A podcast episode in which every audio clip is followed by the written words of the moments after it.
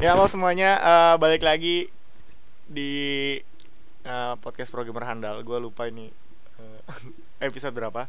Hari ini bakal 11 ya 11. Lupa. Eh, hari ini bakal eh, segmen eh, ngobrol direkam dan hari ini gue nggak sendiri doang, nggak berdua doang juga. Karena ada yang ketiga. Karena berduaan ada yang ketiga. Iya. Ya hari ini gue sama Hotma Hai.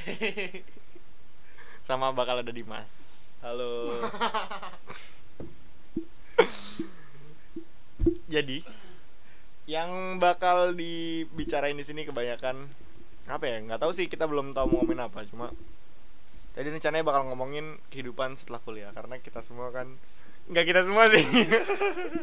Nanti akan diceritakan oleh Dimas iya. Tentang eh mungkin aja di oh ya bisa aja nih ada maba-maba yang baca apa Emang udah nyampe maba tuh cing pasarnya cing. Waduh. Enggak, cuma kan gue punya temen followers gue yang Oh, gitu. mungkin maba gitu. Oh, kan. keren banget. Jadi gimana nih ngomongin setelah kuliah? Dari yang ini dulu deh nih kira-kira nih yang apa? Bapak Hotma yang sudah selesai kuliah dan sudah bekerja. Nah. alhamdulillah. gimana jadi gimana gimana Gimana setelah cerita lu tentang setelah kuliah ini gimana? after college Iya. gimana ya gue masih belum siap sih sejujurnya dengan dunia yang seperti ini Lu udah nonton dua garis biru belum? belum kenapa tuh emang Gak apa-apa. Lu udah nonton emang? Udah Sama Sama siapa? siapa tuh kalau boleh tahu? sama seseorang yang beruntung. Iya. udah udah. itu lu garis biruin dua nggak? Iya. Lurit maksudnya Lurit, chatnya. Aduh. Cuma kan gue pakai ini apa rite gue matiin. Iya. Oh, Jadi nggak ketahuan. Dua garis lampu. Iya. Dua batang biru. ya ya di situ maksudnya di situ banyak banget. Awalnya tuh gue kira film itu jadi ngomongin film gak apa-apa lah ya. review film sekalian kita dua garis biru Fatma nggak seru cerita habis kuliah ini. Enggak mas gue nyambung ke setelah itu. oh iya oke. Nah, Eh, di film dua garis biru tuh awalnya gue gak mau nonton karena anjir ini film ngajarin cringe cringe enggak enggak Oh. ngajarin gimana cara pacaran terus Ah, lu ke rumah kan iya. eh, in the hoy gitu kan Iya. terus ternyata setelah gue tonton gua berarti gue nonton tuh dengan awal yang ignorance gitu loh kayak yang anjing nggak nggak ini lah gitu. Terus ternyata setelah gue nonton enggak cuy banyak sexual education kayak nggak boleh keluar di dalam gitu Hmm. nggak harus pakai kondom segala macam kalau akhirnya ngelakuin cuma lebih baik tidak ngelakuin sebelum nikah. Gitu. terus juga banyak apa namanya masalah-masalah kalau lu hamil di luar nikah cuy kayak misalkan belum siap segala macam duit. nggak punya duit. Belum cukup dewasa gitu ya. Mungkin. Apa ya menurut gua hamil di luar nikah tuh buat konteksnya di Indonesia masih tabu banget sih. Hmm, jadi nggak bisa kita omongin di podcast ini? Ya maksudnya tabu dalam artian masih belum bisa diterima oleh semua masyarakat gitu loh. Karena di situ banyak stakeholdernya gitu loh. Kayak dari sisi anaknya dari sisi pacarnya dari sisi Keluarga. calon cabang Ben- emang hamil luar nikah harus sama pacar? Waduh, Waduh. berarti sama siapa pun itu. Sama siapa? Siapa pun Iya, itu? sama pasangannya berarti. Dan jangan lupa sama keluarganya kan orang tuanya. Karena di Indonesia sekarang ini kan budayanya masih kental banget gitu ya. Jadi kayak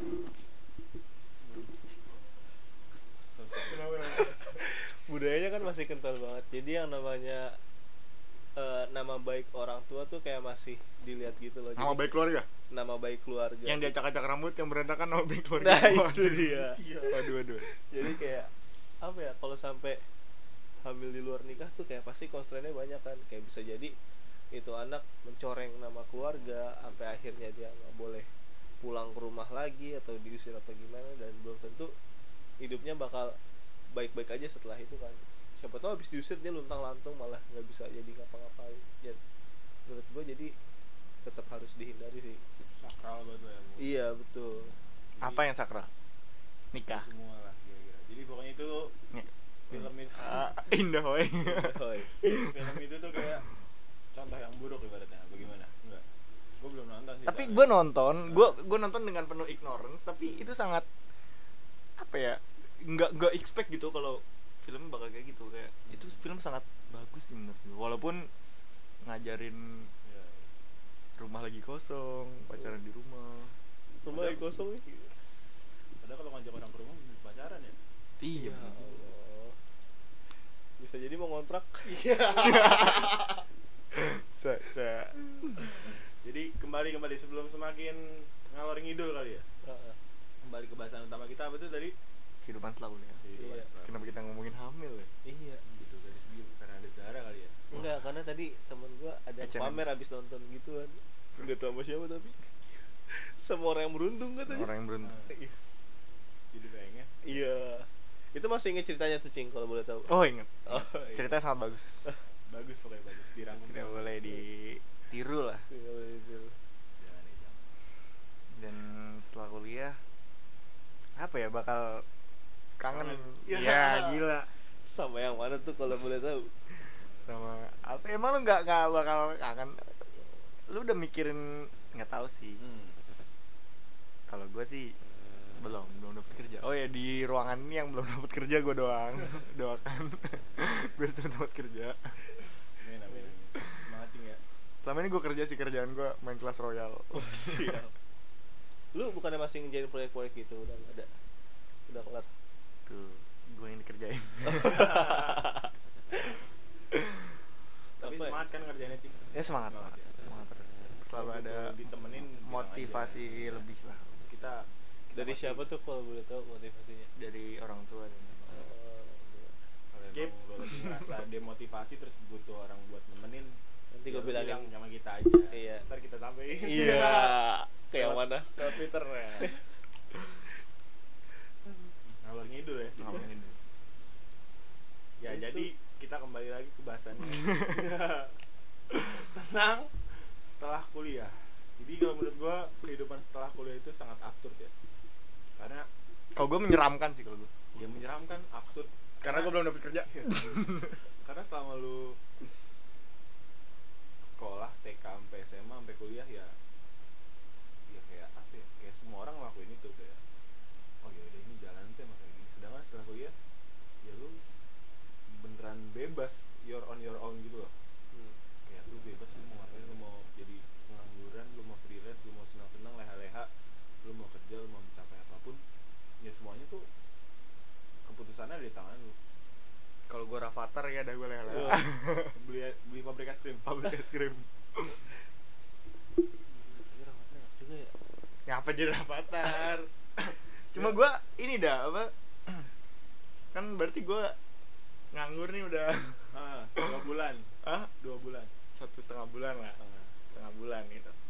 Dan ternyata tuh gue baru ngerasain kan berarti gue udah melewati ini kan summer nih gue udah melewati berapa summer tuh? Satu dua tiga. Ini summer keempat gue lah.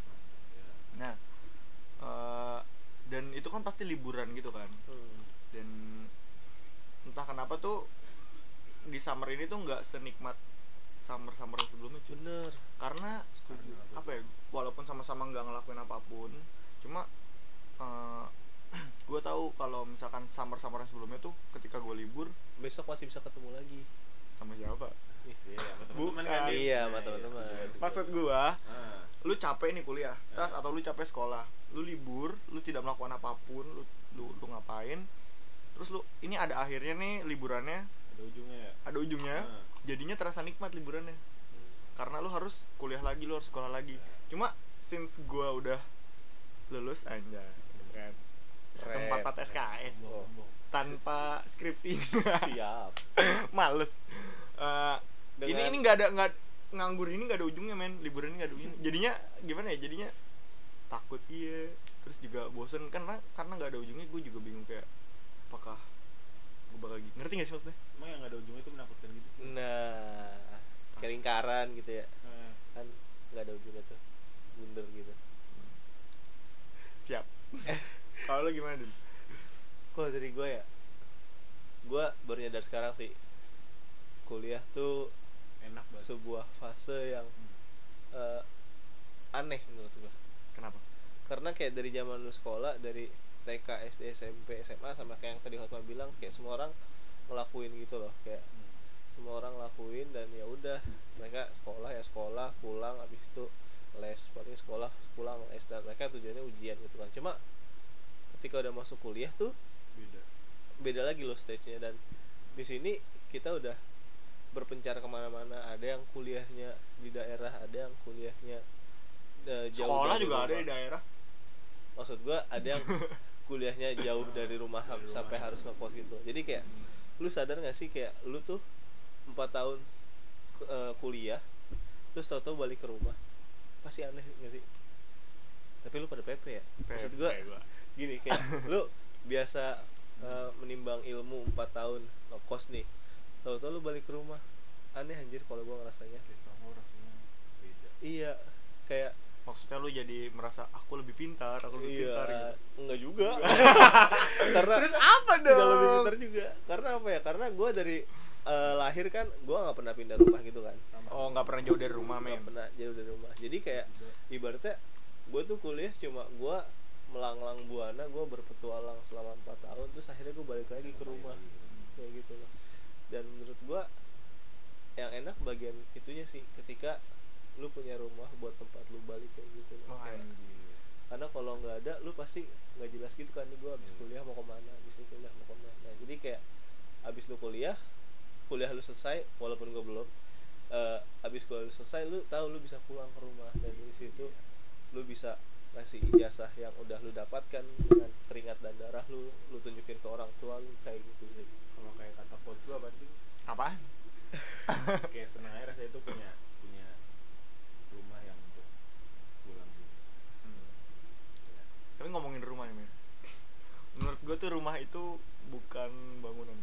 Iya betul. Kayak Asgard ya. Home is not a house. Tapi home. Home is not a house. Terus lanjut lagi bukan itu maksud gua. Maksud gua maksud gua Ya, bukan rumah itu bukan bangunan tapi rumah itu tentang a bunch of people. Oh, jadi kayak Asgard yang ya? dikangenin tuh bukan rumahnya bukan bangunan ya? Iya. tapi orang-orang jadi beruntung kalian yang punya rumah. Kalau yang di apartemen gimana berarti Cip dia karena bunch of people. Oh. tapi kalau dia tinggal sendiri? Kan kalau tinggal sendiri nggak ada temen ya jadi apar doang. Iya. Wah. Siap. Aduh bener juga ya di Bener sih? Apar doang ya? Tadi Iya. gimana tinggal apar apar aku apar sih waduh. Siap siap siap. Eh tapi kalau ntar bakal gua ini tau gak lu bakal gua kasih apa sound effect yang pip gitu. Aduh skip skip skip. Tapi deh kenapa tuh apartemen? Lama jadi apar sahabat? Iya. tapi kalau udah apar sahabat nggak bisa lebih. Iya. Udah mentok tuh ya? Udah mentok. Nggak bisa. Nggak bisa. Siap. Beda, beda cerita lah kalau itu mah eh cing? Eh, saya tidak tahu ya. Iya. berlindung di balik teman. Teman. Teman bukan teman doang ya. Oh, iya. tidak ada teman doang. Kalau teman doang jadi beda artinya ya. Karena kalau temen ya nggak pakai doang. Iya. Kalau ada temen doang pasti kenapa gitu deh kalau temen doang adalah teman kenapa harus ada teman doang? Ngerti nggak? Oh. ngerti ngerti. Iya iya. Kenapa harus ada embel-embel doangnya gitu iya ya? mesti gini kayak semua orang ganteng. Heeh. kenapa harus ada ganteng kalau semua orang tuh sama gitu? Ngerti gak sih? Enggak kan beda. Ganteng doang. Bukan. Bukan bukan. Bukan Ganteng sama ganteng doang. bukan bukan bukan bukan. Maksudnya kayak kalau semua orang ganteng nih. Nih kak harus ada ganteng. nah handsome guy.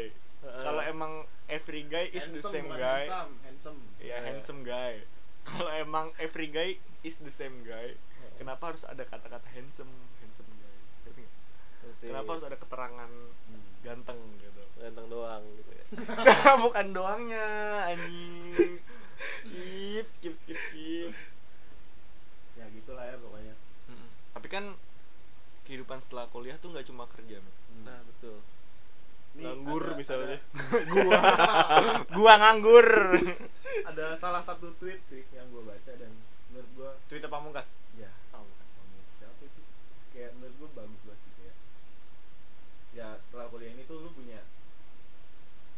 sama kayak yang dibilang Dimas tadi sih kayak seneng rasanya punya rumah buat Pulang. kembali buat pulang dan kalau lu setelah kuliah tuh kayak lu harus punya eh deketan mah nggak apa kedeketan. ya banyak yang nungguin lu nih Iya. kayak tujuan utama atau jadi dijadikan prioritas kayak entah itu keluarga entah itu karir entah itu eh, pacar atau apa pun itulah kayak ya di sinilah saatnya lu menentukan apa sih yang mau jadi tujuan utama lu entah itu membagiankan keluarga entah lu pengen buat keluarga sendiri entah lu pengen punya pendidikan tinggi pengen punya karir bagus punya gaji gede ya apa pun itu ya lu tentukan tuh pas sekarang ini PKJ nggak bisa 8 juta Iya.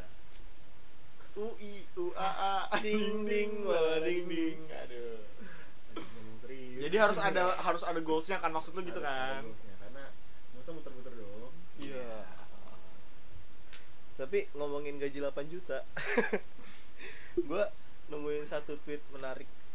Ini dari si Iren Iren si anak Fasilkom gue juga dari situ boy. Oh, gitu ya? jadi itu intinya bagus-bagus berarti ya. Iya. Follow kali apa aduh gua nggak nge-follow apa gua follow ya? Enggak. biar orang-orang tahu nih kalau tuh- eh siapa juga dia nggak mau di go public. Oh iya. Iren Ricky bukan Iren lu iya tahu emang Iren gue siapa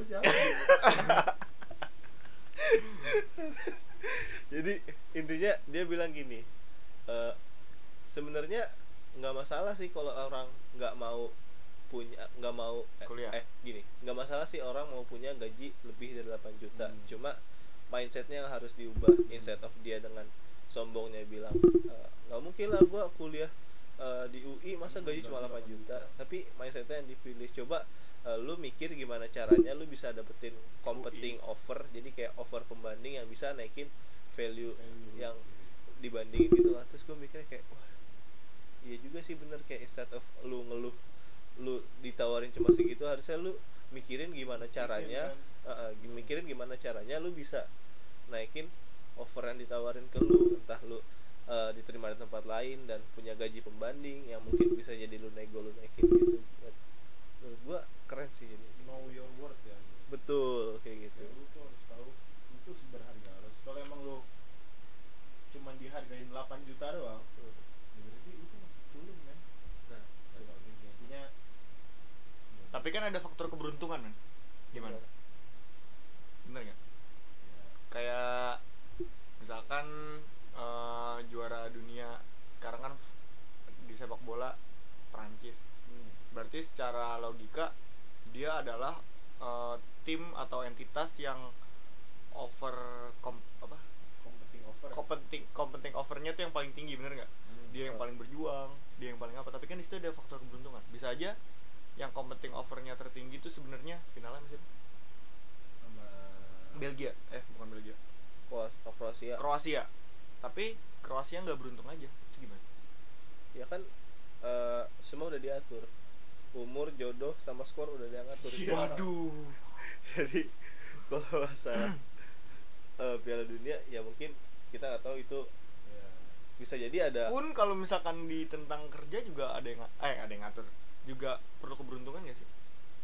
Menurut eh, keberuntungan perlu. Cuma nggak cuma keberuntungan sih. Hmm. Karena- enggak maksud gua ini dibalik.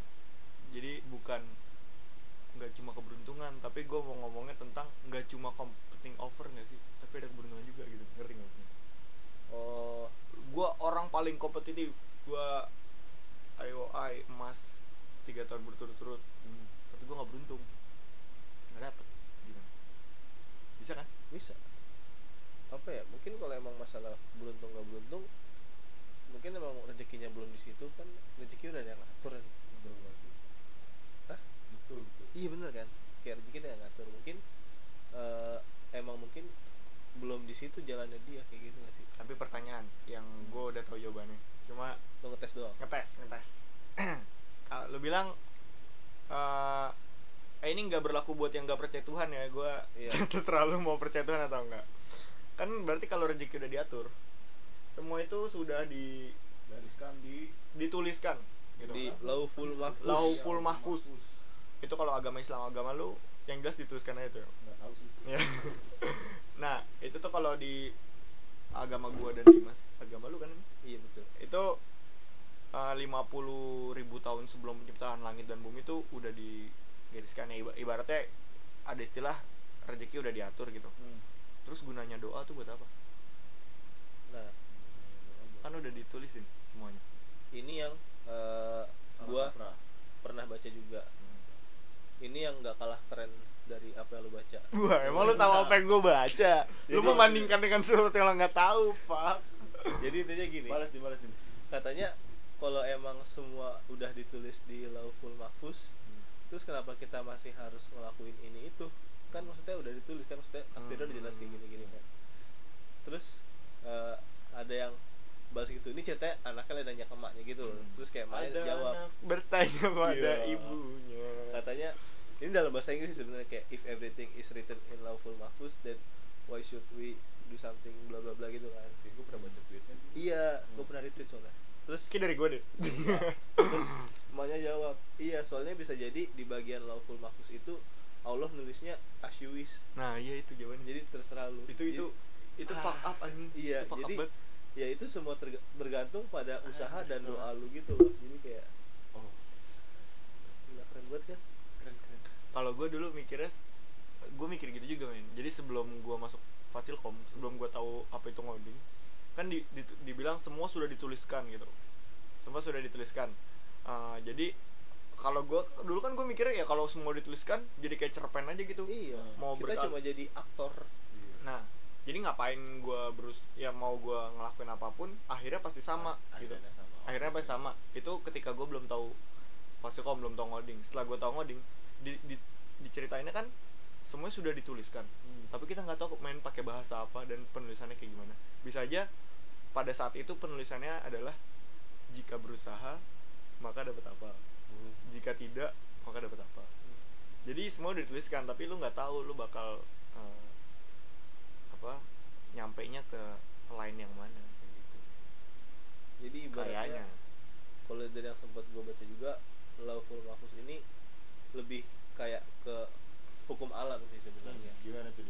Jadi yang kayak- kuat yang menang. enggak kayak you get what you deserve gitu sih Hmm. kayak kalau misalnya rajin pangkal kaya enggak nyambung ya eh tergantung rajin apa. Eh, tapi bisa jadi tapi belum tentu. Iya. Maksudnya kayak kalau lu belajar lu pinter, belajar, lu pinter makan lu kenyang kayak gitu. maksudnya itu kayak eh, sebab akibat yang kayak udah Hmm. pasti gitu loh kayak emang udah hukum alamnya kayak gitu kayak Tapi kalau ngedeketin belum tentu jadian kan dia. iya Iya, itu kan nggak sejalan ya. iya itu kan kalau nggak deketin kalau dari awal udah deket juga belum tentu jadi Nah, itu. Tapi lo harus belajar dari ini men. Eh, bumi dan matahari. Ntar lu buminya datar apa bulat? Oh, gue tim bumi datar. Oh, Dua lawan satu. bumi itu datar, tahu itu bulat. Nah, itu dia. Bumi datar tahu bulat. Nah, lo harus belajar eh, dari bumi dan matahari. Hmm. Nah, bumi dan matahari ini mereka ya udah eh, ada pada jaraknya tertentu dan itu nggak nggak deket gitu. Nah, kenapa kayak gitu? Mereka tuh jauh-jauhan terus, tapi mereka selalu selalu ada Bers- untuk bersama tapi tak bersatu. bukan gitu bukan. gua. cuma mereka ada mereka eh, tahu si bumi tahu matahari ada matahari tahu bumi ada tapi mereka tetap berjauh-jauhan kayak gitu Hmm. kenapa kayak gitu gue pernah diceritain sama siapa ya sama guru gue kenapa kayak gitu karena bum- karena matahari tahu dan bumi tahu kalau mereka berdekatan mereka akan menyakiti satu sama lain Oh. makanya mereka stay away tapi mereka tetap tahu kalau gue ada lo buat lo lo ada lo. Waduh, iya. jadi nggak harus deket men untuk ngasih tahu kalau lu tuh care sama sesuatu atau seseorang kayak gitu men jadi nggak harus deket Tapi gua masih kagum sama caranya matahari sih, kayak Hmm. walaupun dia nggak bisa deketin bumi, Ya. tapi dia deketinnya dengan cara buka cabang banyak. waduh dia nerangin semua orang Iya. wah ya Ada juga matahari detos. waduh waduh waduh waduh, Ada waduh, skip Matahari skip skip matahari Matahari Mall. mataharimall.com. Wah. Emang ada aja caranya ya. Iya. siap siap siap siap siap siap tadi kenapa kita jadi ngomongin dunia apa ya deket. Ini Iya. bagus sih. Ini sangat bisa dijadikan pelajaran hidup sih. matahari Jadi ayo ikutin saya Hotma. Asyhadu alla ilaha. Ini bukan podcast seperti itu, bukan, bukan. Nanti itu di live IG aja. pertama Kiki Fatmala sudah keluar nih. Kita kurang Bursa satu pemain. itu juga keluar Salva sama Vina sudah. Itu kan sama Dedi satu sama. Oh iya, sama dia dia. nanti kita tunggu saja oke nih mas? Iya. Katanya Hotman nunggu dapet cewek Islam dulu. Baru mau pindah. Nunggu Hotman dapet cewek Islam, cewek Islamnya pindah ke Kristen. iya. Aduh no comment lagian orang Batak nyari yang berkerudung Siregar. Lanjut. itu udah ada yang ngatur udah tertulis Nah, kan? Tapi kan tertulisnya jika kamu jadian. tapi menurut gue ya Apa? eh, dari segi hidup nih hmm. walaupun udah ditulis walaupun ada usaha menurut gua manusia tetap butuh strategi cuy strategi seperti apa tuh Dim? Karena kan dibilangnya manusianya bisa merencanakan Tuhan yang menentukan Betul nah jadi kayak contohnya gua nih Hmm. kayak gua gua tahu nih semester kemarin gua goblok dan Hmm. kayak akhirnya banyak yang eh, banyak yang gak lulus kan akhirnya ya udah gua sudah eh, dapat wanti-wanti maksudnya kayak gua udah sadar diri nih kayaknya gua bakal ada yang ada yang bakal gak lulus ada yang bakal ada yang gak lulus bakal Hmm. ada yang gak lulus terus ya udah dari situ gue nyiapin strategi kayak oh ya udah berarti kalau emang sampai gua harus extend gue harus cari duit gimana caranya seenggaknya eh, kuliah semester depan gue yang bayar sendiri Hmm. terus gue bisa mengisi kekosongan waktu gue dan ya udah akhirnya gue waktu itu memi- memilih untuk nyari kerja walaupun kondisinya gue sadar gue kayaknya bakal ada yang ngulang jadi kayak dalam pikiran gue kayaknya nih yang ngulang cuma dikit nih jadi kayak masih bisa kerja gitu kan. Dan ternyata? ternyata uh, ngulangnya banyak. Dan di situ akhirnya ya ganti strategi lagi. ganti strategi lagi. Jadi kayak gimana lu menstrategikan eh, diri lu eh, porsi lu buat kuliah porsi lu buat kerja dan emang dinamika manusia tuh gerakannya kan fluktuatif banget kan. Nggak ada yang tahu. nggak ada yang tahu ke depannya gimana. Jadi kayak lu harus bisa adapt overcome eh apalagi satu lagi kayak salah deh. Waduh. improvise Wah, adapt overcome improvise. Jadi kayak lu harus bisa menyusun strategi gimana caranya Hmm. eh, lu beberapa tahun ke depan. Jadi kayak kalau bisa buat lu, lu semua yang lagi dengerin ya coba mulai tata hidup lu dari sekarang Mantap. bikin planning ke depan lu mau kayak gimana kayak tapi gitu nih dim berarti nih dim kalau misalkan ada improvise overcome Heeh. berarti itu sebenarnya jalanin dulu aja apa enggak tuh Eh, masalah jalanin dulu aja bisa jadi iya bisa jadi enggak maksud gua kayak Ah. ya jalanin dulu aja lu sambil lihat sikon gitu loh kayak lihat kondisi sekitar nggak tahu Kayak- yang bakal terjadi ke depannya tuh kayak gimana. Ujungnya gimana nggak tahu tuh. iya kayak sambil ngitung pros and consnya gimana Hmm. terus kayak ya udah kalau sampai lu uh, sudah cukup mengumpulkan data kayak lu sudah bisa mengambil suatu keputusan apa yang harus lu lakukan kayak gitu sih jadi kayak nggak ada yang salah sama jalanin dulu aja Hmm. Wah. jadi nggak apa-apa cing pikir-pikir dulu aja Iya. Untuk kerja di mana? Iya, itu lagi gue pikirin. intinya jalaninnya dulu semua prosesnya lah Nah, Iya. itu dia. Nanti bakal ada titik terangnya coaching Nah, kan sholat istiqoroh akan eh cing sholat istiqoroh milih antara dua pilihan kan lu banyak Iya. Iya company mana? Iya. Yang nolak gua banyak. Aduh. Tapi kalau gua pernah ini pernah gua omongin sih, cuma bakal gua omongin lagi untuk ngingetin. Eh, dulu waktu SMA pelatih gue pernah ngomong eh, di futsal tuh nggak ada pilihan yang salah adanya hasilnya yang berbeda jadi misalkan nih lu ada- di satu kondisi lu lagi bawa bola lu bisa milih lu mau shoot langsung atau lu mau oper atau lu mau juggling. juggling ya kan? Cek gocek atau lu mau buang bolanya ke out atau gimana lu itu nggak ada yang salah menurut gua. Hasilnya aja yang berbeda. Kalau misalkan lu shoot bisa aja gol atau lu oper bisa aja gol juga tapi eh, teman lu yang golin atau kalau lu outin ya nggak salah juga. Cuma bedanya ya ya jadi out jadi salah lu. Kalau outan waduh ya lanjut nggak ada out nggak ada outan ada ya? Adanya out sin perkos. Kan sin per- tapi kalau ada autan harusnya ada intan ya? Boleh boleh boleh. Hat trick lanjutin lanjutin. Lanjut. Ya udah pokoknya kayak nggak ada yang salah aja. Hmm. kayak ofensif Iya. gitulah pokoknya ya jadi nggak ada yang salah dengan semua pilihan lo hasilnya aja yang berbeda nggak ada yang salah ya jadi lakuin aja mulai aja dulu karena dulu sih gue pernah diceramahin sama guru gue Hmm. kan gue dulu males sholat ya sekarang Oh ini guru spiritual berarti nih. Enggak. kan gue dulu sekolah di Islam Islam gitu kan Oh. di apa eh, lingkungan tarbiyah wow, wow, wow. Oh. ya emang dulu gue lingkungan tarbiyah gitu terus gue dulu males sholat terus guru gue ngomong gini eh, apa gerak aja kalau udah mau sholat nih gerak aja dulu Eh, nanti malesnya itu nggak semales kalau lu belum gerak karena gaya gesek statis lebih besar daripada gaya gesek dinamis Wah, anjir jadi Itu jadi guru Enggak. fisika apa guru agama apa guru guru semua guru di lingkungan tarbiyah gue waktu itu soleh semua Oh. Enggak ada solihun ya. Waduh. Lucu tuh kalau ada soleh ada solihun ya. Iya. Waduh. Jadi ya gerak aja dulu men. Tapi bener sih, karena gue juga dengar pepatah katanya hmm. eh, untuk mengerjakan sesuatu memulai itu adalah lu ngerjain 50% dari apa yang mau lu kerjain. Jadi Harus mulai- 50% emang. enggak juga sih. Intinya Sisanya- mulai aja dulu karena dengan lu memulai lu sudah melakukan setengah dari pekerjaan. Gue pernah dikasih tau juga katanya every thousand miles Hmm. start with a single step. Wah, iya. Kalau naik juga- mobil gimana? Kalau gue dengernya just do it katanya Nike. Waduh. Nike Ardila tapi Waduh. tanpa undangan Waduh. dirimu Waduh. Tidak bisa saya balas, bingung. antara terlalu bagus atau terlalu Receh. Iya.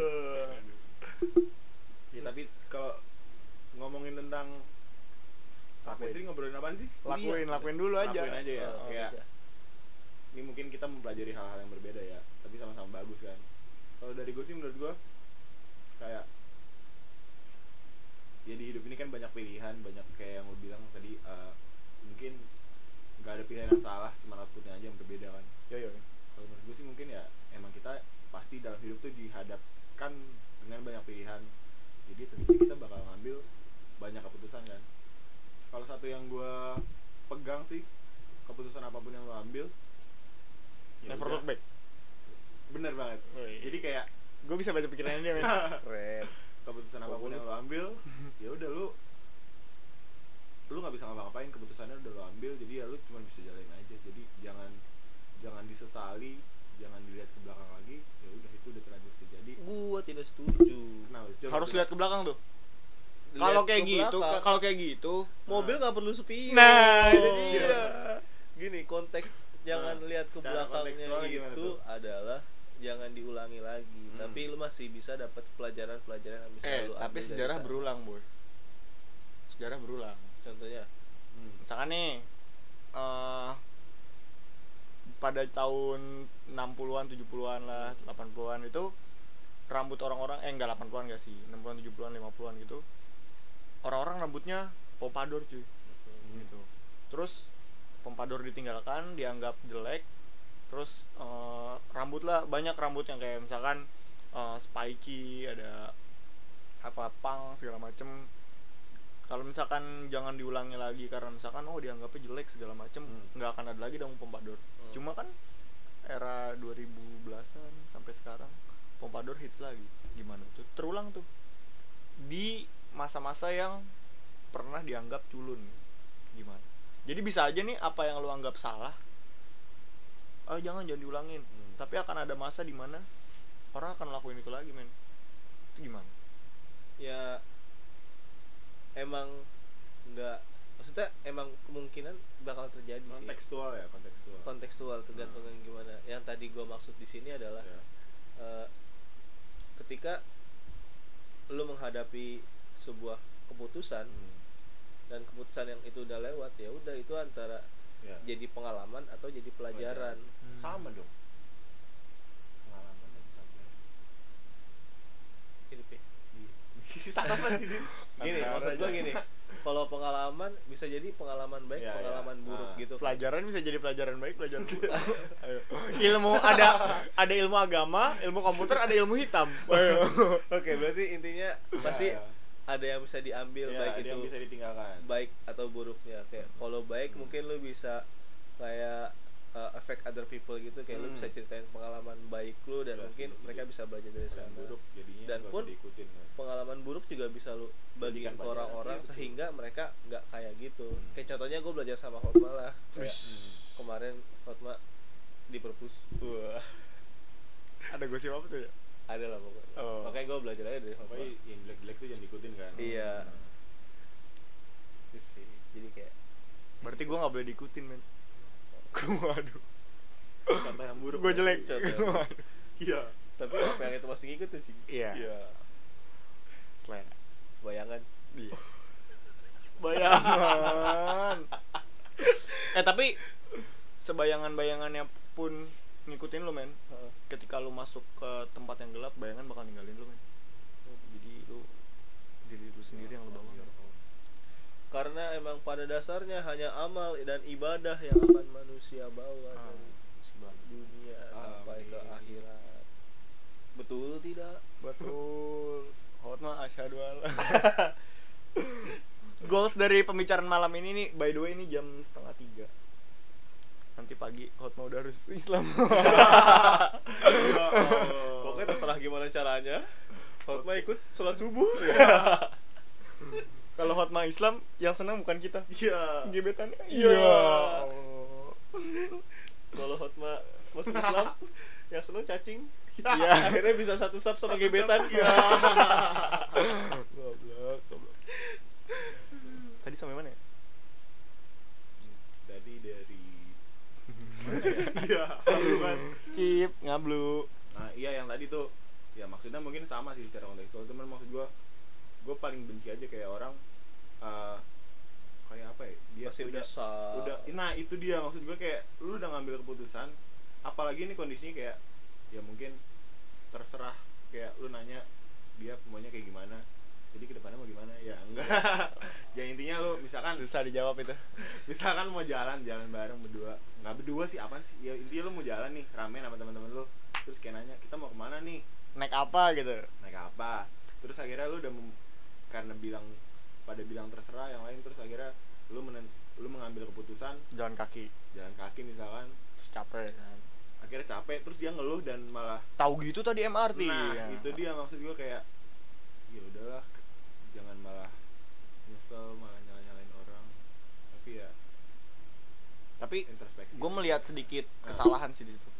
apa tuh Eh, celah celah itu miskonsepsi parah miskonsepsi. Itu tentang teman-temannya tadi nih ya yang ngomong terserah. Itu tuh menurut gua adalah suatu hal yang tidak baik ketika lo menggantungkan hidup lo ke orang lain. ke orang lain. Itu nggak baik banget men. A- walaupun nggak usah terlalu lebay sih maksudnya akan ada saatnya lu menggantungkan hidup lu ke orang lain ya lu menggantungin hidup lu ke masinis kereta nggak sih? Iya kan? Lu menggantungin hidup lu ke pilot. pilot kan? Ada teman gue yang dia kuliah di Bandung. Dia nggak pernah mau naik bis ke Bandung karena dia nggak mau ngegantungin hidupnya ke supir bis. Hmm, Jadi jadi, dia- nggak katuin hidupnya ke masinis. Wah. Nggak akhirnya dia selalu naik motor gitu ke mana Aduh. jadi ya menggantungkan pada diri sendiri. Menggantungkan pada diri sendiri men. Ya walaupun nggak harus se ekstrim itu sih cuma ya poinnya adalah jangan sampai lu ngegantungin hidup lu ke tapi nggak bisa sih at one point kita bakal iya cuma. Karena sebaik-baiknya tempat bergantung hanyalah Allah Subhanahu wa taala. Amin. Karena ketika tidak ada lagi tembok untuk bersandar masih ada lantai untuk bersujud Mantap. Mantap. tidak ada hubungannya tapi keren Ayo Hotma ikutin saya. Aduh Allah. oh Hotma Hotma juga ngomong Hotma do your best let God do the rest Woi. itu kan Korintias apa Ma Nggak tahu Matthew Kalau nggak tahu sih makanya gereja mah. ini gitu do your best and let God do the rest Oh. Itu kayak ini deh nyontek dari agama Islam. juga. Iya. Manusia hanya bisa merencanakan, Nggak, Allah cuma yang itu menentukan. di Alkitab ada ininya ada Oh, ayatnya ada, Oh, ayat ada. ya kita nyontek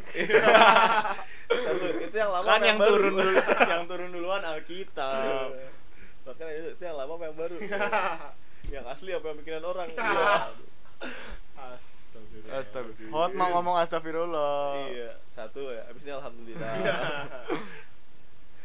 Terus Tapi- tadi sampai mana? Ini tadi Hotma eh, yang masalah. Hmm, nyesel. Nyesel. Cuma gue setuju sih kayak ya udah ketika lo udah mengambil satu keputusan lu nggak boleh nyesel. Maksud gue kayak ya udah nyesel boleh cuma nggak boleh berlarut-larut gitu itu loh. dia. Karena pun lu nggak bisa ngapa-ngapain lagi. Itu udah ada Terjadi. it's in the past gitu loh. Jadi kayak Iya, yang paling lu bisa lakuin adalah ambil pelajaran doang dari situ. Itu dia. Berdamai dengan masa lalu. bener kayak ya udahlah besok besok naik MRT aja daripada Nah. jalan capek apalagi toh kan maksud gua di saat lo ngambil keputusan itu kondisinya temen lo ini secara sadar ngeyain aja kan Mm-mm. tapi Ya terserah lah. ya kayak yaudah kita jalan kaki aja oh ya udah kecuali dia kayak membuat sebuah putusan apa, lain iya keputusan lain kayak ah nggak mau ah capek nih jalan naik naik MRT aja nah di situ kayak nggak apa-apa lu masih ada proses berdiskusi kali ya tapi kalau kayak gini lu ngambil keputusannya terus dia malah nyesel dan marah-marah sama lu kan rasanya nggak adil aja menurut Iya, gue makanya Oh tapi gue ada apa apa? temennya juga kan jadi bisa ngambil pelajaran juga oh ya udah berarti besok besok Tinggalin aja. enggak maksudnya gue jangan terserah maksudnya siapa Ah. tahu dia sebelumnya dia tahu nih ah kayaknya deketan MRT cuma dia nggak mau ngomong Iya, males iya. gitu kan nah dah, itu tuh gitu. dia menurut gua kenapa sih kira-kira kayak orang tuh suka susah banget mengungkapkan apa yang ada di pikirannya satu Eh tapi ngomongin terserah. Tadi dulu nih ya, kebun ya, pindah ya, deh. kita cue dulu kita Gua ada dulu. ini ada di Twitter gua nggak ngerti ini pelajaran atau lucu atau gimana. Twitter bagus-bagus kontennya Twitter. Iya. Jangan Biasanya lupa. gua like atau gua apalagi at di masa putra Nah, itu. Waduh. apa tuh Udah gua pin. itu? nih di masa putra Waduh. Uh. tapi ada lagi lebih viral Nah, tuh, itu tuh apa? yang masuk UI Nah, mantap. Udah macet jadi Nggak, gua gua nemu ini tentang terserah. Katanya kan ke depannya nggak boleh terserah gitu. Nah, Nah ini nih si yang buat tweet gue lupa namanya siapa Mas Ed siapa lah lupa nih gue Mas apresiasi. Dimas. setelah Terserah dia dia ngomong gini. Dia tahu kenapa cewek sekarang ngomongnya kalau makan apa terserah. gue tahu. Udah baca. Oh, udah baca, lu udah baca. Masih. Coba barangkali yang, pernah baca. yang denger belum denger. Udah ya, belum belum. Jadi dia bilang gini, gue tahu kenapa cewek-cewek sekarang kalau ngomong mau tanya makan apa, tanya eh, terserah gitu. Soalnya zaman dulu nih dahulu kala waktu Nabi Adam nanya wah. Nabi Adam nanya ke istrinya mau makan apa?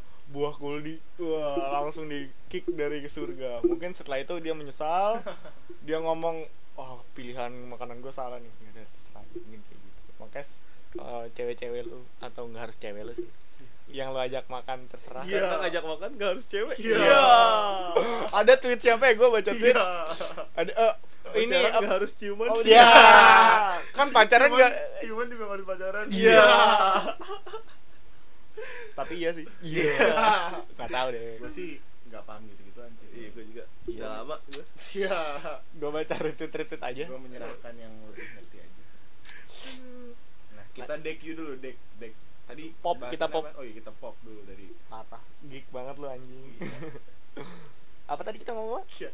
gue lupa nih tadi di foto apa, apa ya Anjir, padahal keren banget itu. terserah Eh, oh ngungkapin perasaan Ah, eh, ngungkapin iya. yang dipikirkan Kira-kira kenapa sih kayak soalnya kan menurut gua miskomunikasi itu salah satu eh, akar permasalahan dari banyak Asumsi, hal. Iya, gitu. asumsi kayak lu lu nggak tahu eh, yang bener tuh kayak gimana info- eh, yang terjadi sebenarnya tuh kayak gimana tapi lu menerka-nerka lu sok-sok tahu lu sotoy sama jawabannya apa gitu. Iya kayak lu ya lu cuman wondering aja tapi lu nggak tahu aslinya kayak gimana. Jadinya ya beda frekuensi. Beda frekuensi. Yang lu maksud ini sedangkan yang orang lain maksud tuh itu. Jadinya lu nggak saling ketemu dan akhirnya eh, gue tahu. sering kali menyebabkan masalah. Padahal tuh simple lu tinggal menurut lu gimana? saling, iya menurut lu gimana? Menurut gua gini ya saling komunikasi aja menurut gua sesimpel itu. Atau nggak sesimpel itu? Enggak menurut gue tidak sesimpel itu. Coba Dimas tadi barangkali ada penyampaiannya Gini. Nah, masalah komunikasi ya. Ya. satu komunikasi itu kayak orang tua dah lu ngomongnya gitu. Kayak orang Karena tua sumpah banyak banyak Iya, coba, satu, satu. komunikasi. Ah, ya kan Komunik- komunikasi yang dibahas ya, iya satu. tadi chatnya banyak oh iya ya tentang masalah mengungkapkan perasaan ya, tadi kan. Ngom- Satu, komunikasi. perasaan sih mengungkapkan pendapat Iya, eh, pendapat. pemikiran iya pemikiran tepat sekali satu komunikasi itu kompleks cuy hmm. kayak kayak lu main kuda bisik aja kayak apa ya, itu kan komunikasi kan kayak Hmm. lu bilang A ke B terus B bilang ke C C bilang ke D bisa jadi apa yang diomongin dari A sampai ke D itu beda Beda gitu. maksudnya ya? Heeh. Hmm. jadi kayak kadang komunikasi tuh harus eh, dibuat sedemikian rupa agar eh, maknanya sampai dengan tepat gitu loh Iya kayak yang dimaksud yang lu maksud ini yang denger tuh maksudnya juga sama kan Iya Oke. benar karena itu adalah inti dari komunikasi kan. Betul Jadi kayak kita punya eh, kita berkomunikasi membicarakan suatu hal dan apa yang kita bicarakan Nyampe. Paham, Nyampe. saling ngerti heeh, Hmm. dan ya udah maksud gua komunikasi itu kompleks. Jadi kayak lu nggak bisa apa ya lu nggak bisa menggantungkan semua ke komunikasi gitu Hmm. sih karena Oke. ya nggak bisa disalahin juga Hmm. ibaratnya lu udah komunikasi aja masih bisa salah gimana Iya, nggak gimana komunikasi komunikasi kan iya kayak gitu itu satu dua dua tuh masalah eh tadi dia kadang nggak enak gitu mungkin eh, gara-gara ada beberapa orang yang nggak enakan sih sebenarnya Banget, karena banget. mungkin nggak tahu sih ya ini orang nature-nya orang Indonesia doang Iya. atau gimana Eh, nature-nya orang Indonesia tuh cenderung rendah diri gitu sih kayak Hmm. mungkin beberapa dari mereka berpikir kayak ah kayaknya apa yang uh, gua pikirin belum tentu lebih baik Iya. daripada yang sedang mereka canangkan gitu kan Hmm. jadi kayak ah ya udahlah gua nggak usah ngomong ah ya udahlah nggak usah ngomong mungkin ada beberapa orang kayak gitu that's why sebenarnya makanya dibutuhkan tiga yang paling penting validasi mantap daripada lo berasumsi which is ya kadang lo butuh validasi sih Hmm. kalau emang uh, lo berasumsi kayak kayaknya dia ini nggak ya kayaknya dia ini nggak Iya. ya ya udah tanya aja langsung tanya aja kan Iya. tapi Gua gua mau ngasih pendapat gua. kenyataannya tidak semudah itu Untuk melakukan poin pertama yaitu komunikasi dan validasi. Yang mana kalau lu mau validasi lu harus komunikasi. Betul. Menurut gua itu akan terbentur dengan sesuatu yang namanya gengsi. betul Karena untuk lu menyampaikan eh, pendapat lu atau lu mau memvalidasi pemikiran lu, itu perlu apa ya lu harus menurunkan ego lu, menurunkan gengsi lu. Dan selain itu eh selain itu untuk melakukan komunikasi dan validasi ini berjalan sesuai eh, yang seharusnya itu juga terbentur dengan ekspektasi menurut gua Hmm. karena apa ya untuk lo menyampaikan pemikiran contoh sederhananya gini. Gue Main gue batu kan cing. Habisnya gue ambil minum dulu dah. Iya. jadi eh, orang itu gue pernah baca Hmm. orang di itu Twitter juga nih bukan? Lupa gue di Facebook. Wah tua Oh. bang. Friendster. Wah. MySpace iya. Eh, apa tadi lupa orang itu eh, nggak takut sama jatuh cinta. Tapi takut sama orang itu takut kalau dia nggak dicintai balik. Jadi eh misalkan gue jangan gue deh. Ya, Ya, misalkan Dimas Dimas. Jangan Dimas juga dong jangan kita. Jangan kita misalkan ada Riman Riman. Iya. Iya. Edo. Misalkan ada Arfi. Tuh. Arfi misalkan. Si Arfi ini jatuh cinta sama uh, se- seorang perempuan bernama Mulan. Nah si Arfi ini nggak takut untuk jatuh cinta sama Mulan. Si Arfi ini takut menyampaikan tentang pemikiran dan perasaan yang dia ke Mulan kalau dia Hmm. jatuh cinta gitu. Nah di sini ada ekspektasi dan ada gengsi menurut gua. Ketika dia ingin melakukan komunikasi yaitu menyampaikan pemikirannya dia. Di sini konteksnya adalah kalau gue suka sama lu kayak gitu. Ya. Nah, yang Arfi takut adalah si Mulan. Ternyata nggak cinta juga sama Arfi. Ya. Dan di sini gengsi pasti kayak gue udah nurunin gengsi, nggak sesuai ekspektasi. Makanya orang tuh cenderung berasumsi dan jalanin aja deh, gitu. Itu karena ini menurut gua kayak gitu. ya Karena apa ya? bener. Bisa aja nih si Arfi Arfi yang tidak mereka tidak melakukan tadi poin kedua lo apa? nggak enakan Nggak enakan itu jatuhnya itu beda sih itu beda itu beda Eh, apa si Arfi nih em, berasumsi kayak gitu karena eh, tadi yang dibilang tanpa melakukan komunikasi frekuensinya bisa beda kan Hmm. bisa aja nih menurut Arfi apa yang dilakukan sama si Mulan ini udah levelnya tuh udah level pacar sedangkan untuk si Mulan di frekuensinya Mulan apa yang dilakuin ini sebenarnya cuma temen gitu makanya di sini tahu terjadi tuh gue rasanya tuh beda batas wajar ya, beda Bu? batas Iya. wajar itu itu Kayak- berbahaya dan ditambah dengan tidak adanya komunikasi dan validasi akhirnya menjadi miskonsepsi karena perbedaan frekuensi. Jadi intinya harus komunikasi dan validasi ya. Iya. Yang mana di situ ada gengsinya yang harus diturunin ekspektasinya yang harus dihilangin Hmm. kayak gitu. Itu sih. Untuk semua aspek yang nggak harus Arfi suka sama Mulan Oke. atau sama cewek tapi ini ini mungkin masih nyerempet eh gua ambil minum dulu ya. Oke, lanjut siap. aja lanjut. Oke. masih nyerempet cuman nggak masuk masuk banget sih. Tentang menurunkan ekspektasi kali ya.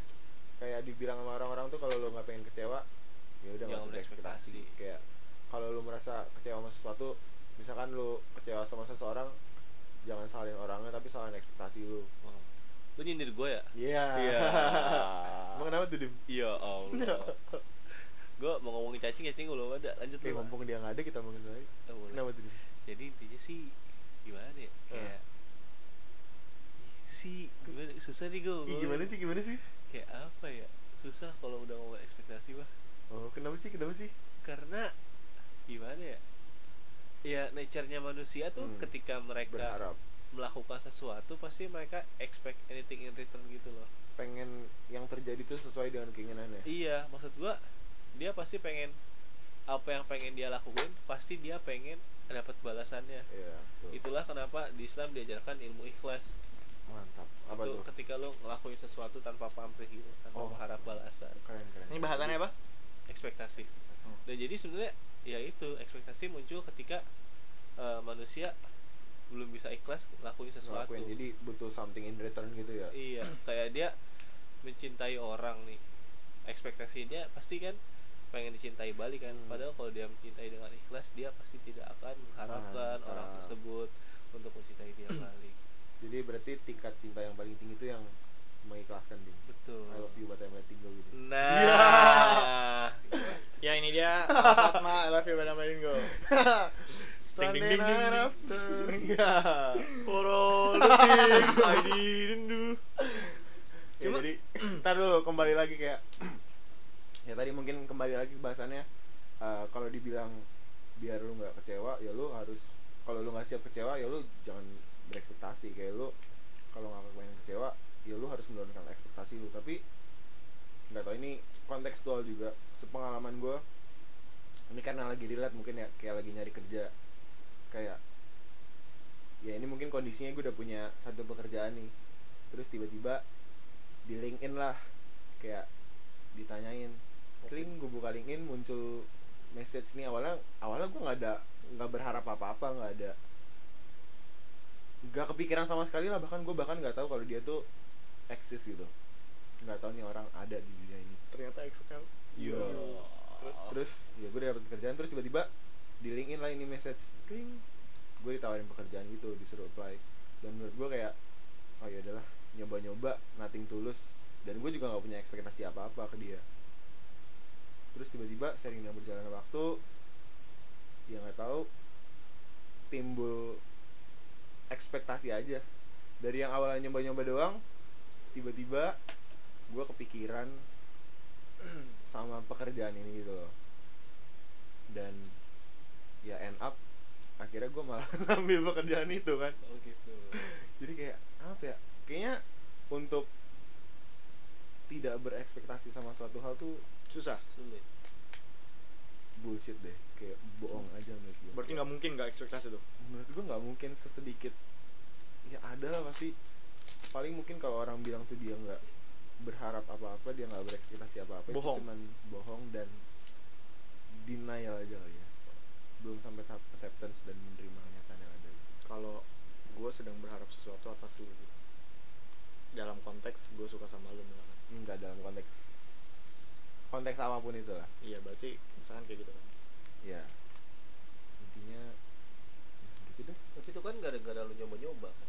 Iya bener ya eh tapi kan gue di ini. Dia datang duluan. Iya goblok. Bener Iya. nggak bener nggak? Ya kan? Dia nawarin kan? Sama-sama nyoba. Iya. Ya, enggak sebenarnya kalau di konteks ini ya kawan-kawan. Iya. klarifikasi Di- dia datang ke lu kan lewat LinkedIn kan bener Iya, nggak? dia nyoba-nyoba ngirim message ke lu di LinkedIn. Dia Ya. mulai duluan. Dia nyoba-nyoba kan? nanggepin kan? Akhirnya lu tanggepin kan? Kalau di konteks ini jadi Ah, emang iya. apa ada konteks yang Iya. lain? Kan kita lagi ngomongin yang ini yo ya udah ya ya intinya kayak gitu lah gue cuman ya gitu dah.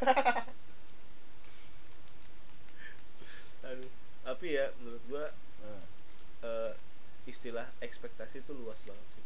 Ya tuh kayak yang tadi lu bilang eh, ekspektasi dalam berharap eh, maksudnya jangan terlalu berharap jangan terlalu ekspektasi. Tapi Hmm. di sisi lain justru kita harus punya ekspektasi untuk Hmm. menentukan suatu goal kita gitu loh. Iya, betul. kayak misalnya eh, lu mau ekspektasi punya rumah di Sudirman gitu kan. Hmm. berarti kayak dari situ kan lu punya tujuan lu punya goal dengan lu ekspektasi.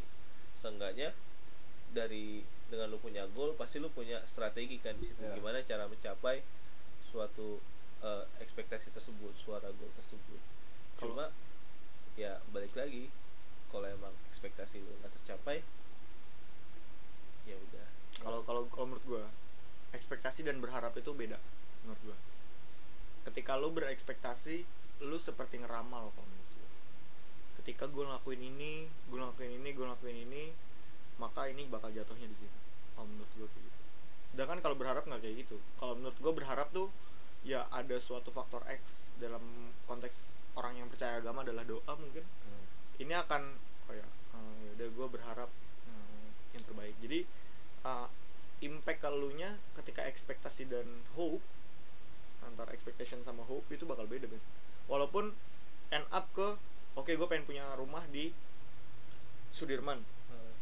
Kalau lu berekspektasi oke gue jual semua aset gue gue investasi di sini dalam waktu satu tahun gue pasti bakal dapat eh, apa rumah di Sudirman.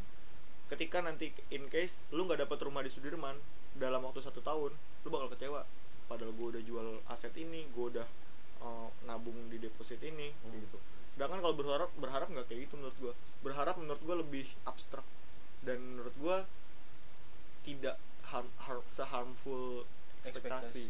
Jadi kalau lu berharap ya udah lu tinggal kayak oke untuk kondisi ini eh, ada baiknya gue ngelepas aset gue dengan harapan Hmm. eh, dengan aset ini atau investasi baru gue bisa ini tanpa adanya tenggat waktu tanpa adanya eh, bayangan-bayangan gitu. jadi berharap tuh yang lebih ikhlasnya gitu Iya, berharap lebih ikhlas. lebih Dan menurut gua, ekspektasi itu akan menuntun lu ke arah imajinasi.